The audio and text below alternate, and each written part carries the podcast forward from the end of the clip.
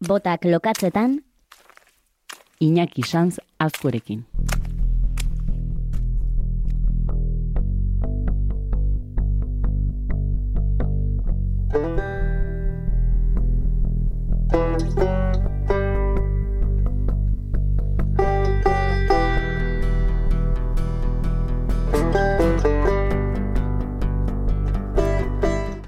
Ohartzerako abendua nongi sartua gaude, lehen erena pasa dugu eta ez garaztu Iñaki Sanzazkue lagun eta biologoaz. Hilero gixan, heldu da garaia gure aiko dinamika aldatzeko, alegia, gonbidatuari estudioko ateak zabaldu beharrean, gero joateko bere pausuen atzetik. Beraz, zer baino lehen, arratsaldeon Iñaki. Arratxaldeon, Eli. Tira, botak lokazteko pres gaudela esan dizut, baina horren aurretik beste zerbait egin beharko dugu, alegia, belarrietako lokatzak edo argizariak kendu beharko dugu, audiotxe bat entzungo dugulako, ea, eh? Oso, no? Bai.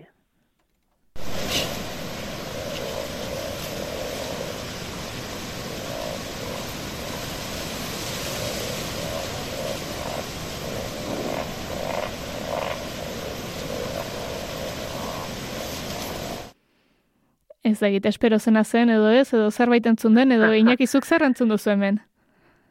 Nik, nik entzun Edo zer entzun zerbait- beharla, edo ez dakit. Hoi zamarri zuen.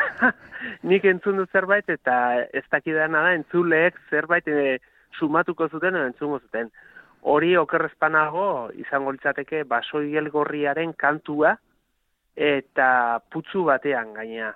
E, momentu honetan basoigel gorria ugal garaian sartu da eta gure mendi inguruetako putzuetan kantuan hariko da, baino erne, gainontzekoek egite ez duten bezala, hau putzu barrutik hariko da kantuan. Eta hor eh, sumatu ditugu kantu batzuk, batez ere bi edo hiru nabarmen, ez da, Eli? E, hola, hola entzun dez, behintzat. Nik esango dut, e, aitortu behar dudala, entzun baino lehenago ikusi egin dudala, ze hemen uinetan antzematen zen, noiz, noiz entzuten zen, no, noiz ari zen igelen bat kantari. Hori da, ba, bea, momentu honetan, ja udazken partetik urriaren amabost erditikan aurrera, en, eremu batzuetan hasi gara dagoeneko ikusten basoigelgorriaren arrautzak. Entzulek jakin dezaten basoigelgorriaren arrautzak izaten dira e, garai hauetan ora eguraldiak laguntzen digunean joaten gagara mendira eta pista inguruetako putzu zulo edo putzu txiki horietan topatzen ditugu ba horrelako arrautza poltsa batzuk, ba horiek lirateke basoigelgorriaren arrautzak.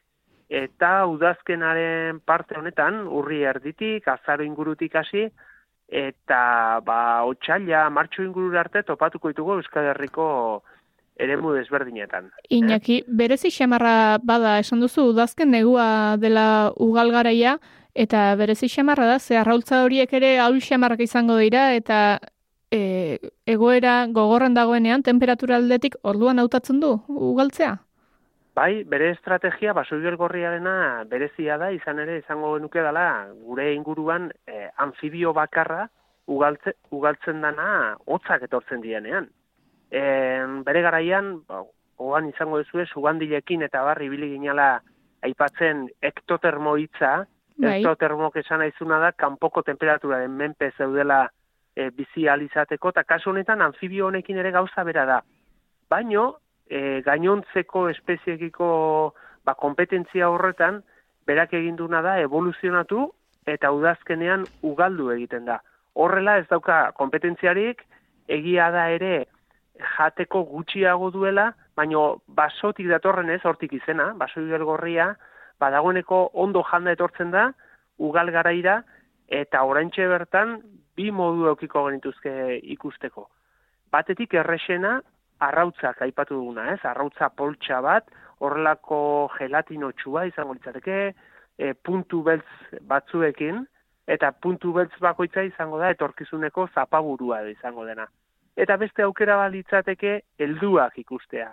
Helduak ikusteko putzu urmael inguruetan begiratu beharko genuke, oso ondo begiratu ere, ze askotan putzuaren sakonean, da ondoan egoten dira, eta besarkatuak ikusiko ditugu batzutan.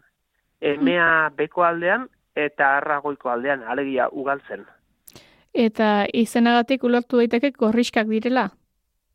Bai, baso gorria, em, gorri, arre kolorekoa da, e, horrek ere badu arrazoi bat, orain udazken partean baso inguruan gabiltzala, askotan ez ditugu sumatuko, baina begitxoak horre ongo dia erne guri begira, behaiek sumatze gaituztelako guk behaiek baino lehenago ez.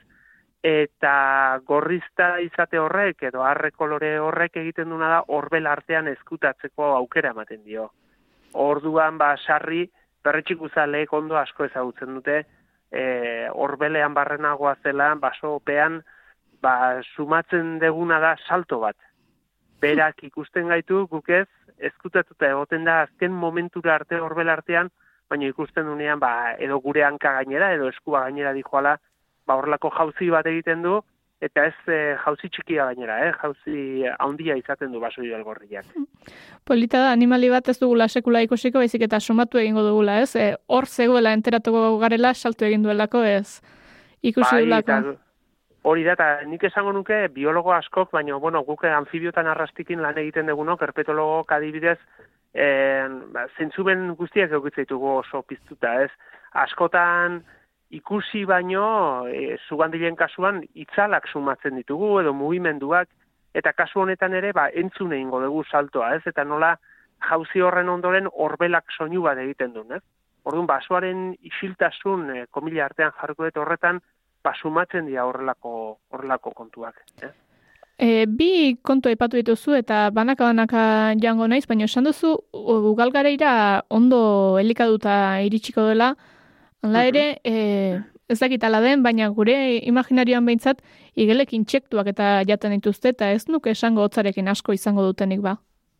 Ez, e, ornogabeak eta esan duzun bezala, e, ornogabeak eta jango lituzkete, eta guain kontuan euki bar deguna da, hotza hauekin, ba, ornogabe edo intsektu horien kopurua ere asko geisten dela.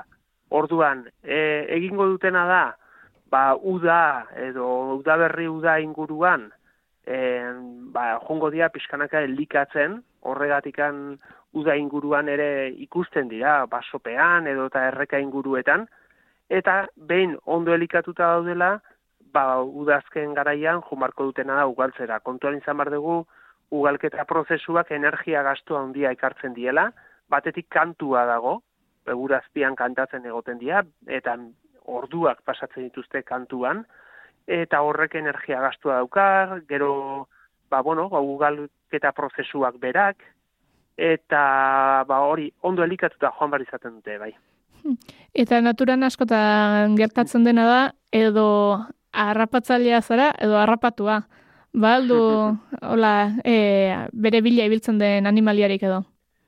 Beira, ba, aurreko urtean esango nuke izan zela, urumea inguruan, esaterako, e, grabatua izan zen duela berrogei berrogei tamar urtetik ona e, orain arte ikusia etzegon igara ba. E, urumea bueltatu zen, urumearen beko aldera esango nuke, bueltatu zen igara ba, eta grabatua izan zen. Non eta baso igel gorria ugaltzen zegon putzu batean. Eta gaina ikuste zen, ba, pixkanaka, pixkanaka, belarra artean, eta putzuaren ertzetan zebilela zerbait harrapatu nahian. Orduan, e, ba, ziur asko kasu honetan igarabak e, apostu egingo zuen ba, ba, baso gorriak harrapatzearena. Zergaitik, ba, putzu batean baso igel gorri asko baituzu, ba, jakia ere erresagoa dalako. Orduan, harrapakariak baditu, gero arrautzak ere, ba, gozete haundia dagonean edo ikusi zaintugu, ba, koartzak edo beste gazti batzuk arrautzak jaten, azkenian proteina da, eta negua pasatzeko ba aldan aldenari heldu bartzaio, ez? Iñaki entzungo dugu berriz ere Ibelgorriaren kantua ea bigarren e, azalpen guzti hau jasota bigarren entzunaldian zerbait jasotzeko bai garen. Hori da, zorroztu, eh? Aber belarriak hartzen zuten den.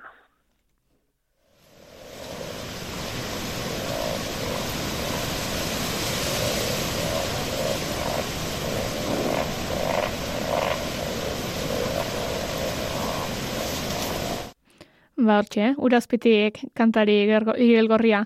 Ba, orain, orain ziur asko jendeak gehiago entzungo luke. Orain, azalpenak eman ondoren gauzak erresago entzuten dira. Hori da, eta badakizue, mendian baldin bat zabiltzate, horbel hartatik zerk salto egingo du bestela, ba, erresago, ba, putzuetan igelgorriaren arrautzak begiratu. Eta kasuren batean ez e, ikaratu izotztuta dauden putzuzuloetan e, azpikaldean ere ikusten baitugu, eh? hori gertatu daiteke eta. Hori ba. Ba, mila esker inaki hementxe utziko dugu, baso igelgorriaren kontua. Datorren hilabetean zure zai, geratzen gara. Oso noeli, eskerrik asko zuei. Gelditu makinak.